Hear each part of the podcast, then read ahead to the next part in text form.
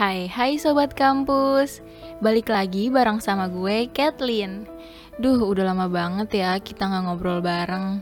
Kangen deh rasanya sama kalian. Kalian apa kabar? Yang pasti gue selalu berharap kalian semua lagi baik-baik aja ya. Hmm, kalian yang lagi dengerin podcast ini pernah nggak sih berada di fase capek untuk mempertahankan suatu hubungan? Entah itu udah saling hilang rasa sayangnya, atau malah hubungan kalian ditolak sama keadaan. Duh, sedih ya kalau dirasain. Sekarang ini gue ngerasa bahwa yang namanya cinta itu sulit untuk dipertahankan.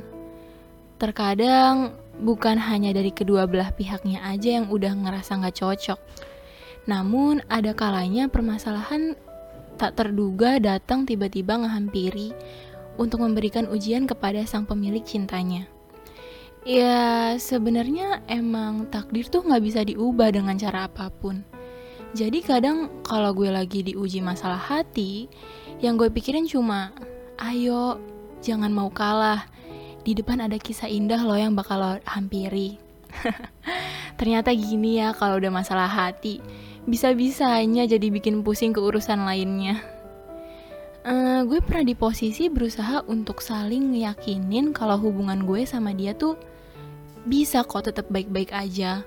Nggak perlu ada yang namanya kata pisah. Uh, rasanya tuh terlalu dini untuk menyerah dalam mempertahankan segalanya. Tapi di sisi lain, gue seneng, gue bersyukur. Karena saat itu dia yang selalu ngeyakinin gue bahwa semuanya bakal bisa kita lewatin bareng-bareng Apa pun rintangannya, dia bersedia untuk terus bersama-sama. Namun, masalah yang datang ternyata bukan hal yang mudah untuk bisa kita selesain. Di saat itulah keraguan mulai datang ke diri gue. Gue mulai jadi overthinking dalam menghadapi masalah. Seakan-akan tahu segalanya, tahu apa yang akan terjadi di hari esok, lusa, atau hari seterusnya dalam hubungan gue. Dan saat itu terjadi, ternyata overthinking tuh jadi bumerang buat hubungan kita. Yang tadinya dia mau berusaha untuk mempertahankan, eh malahan dia jadi mau berhenti karena ngerasa tidak ada support balik dari ceweknya.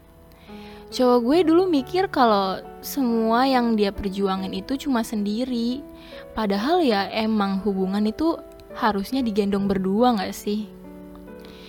Dari situ gue mulai sadar kalau gue tuh egois.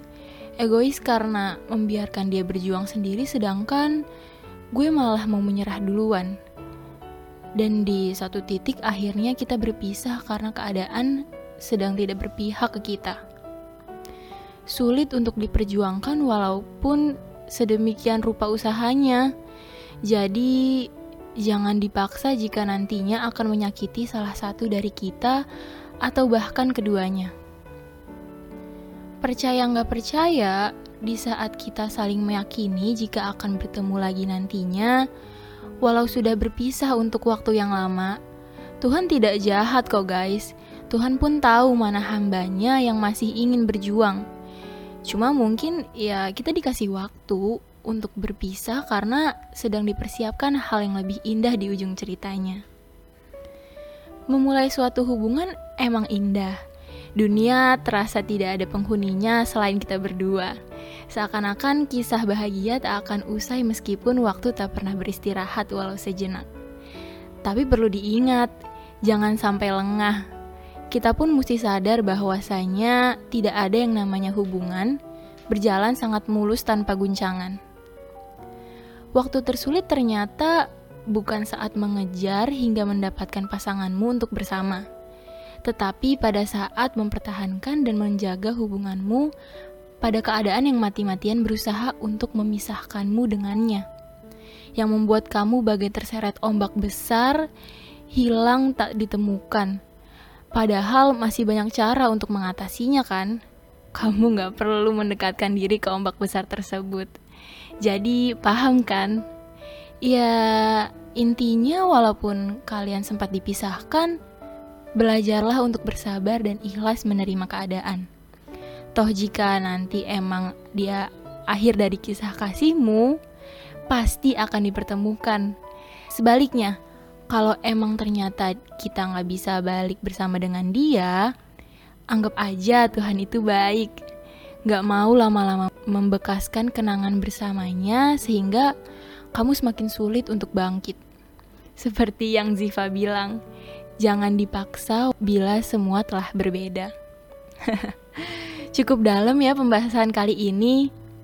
Oh iya, kalau kalian ingin sharing cerita pribadi kalian, bisa banget langsung DM di Instagram kampusstoryid. Tenang aja, nama kalian nanti pasti kita samarin kok. Terus kalau misalnya mau request podcaster mana yang ingin bawain cerita kamu juga boleh kok. And ya, sampai sini cerita kita. Jangan lupa untuk selalu bahagia ya, Pips. Bye!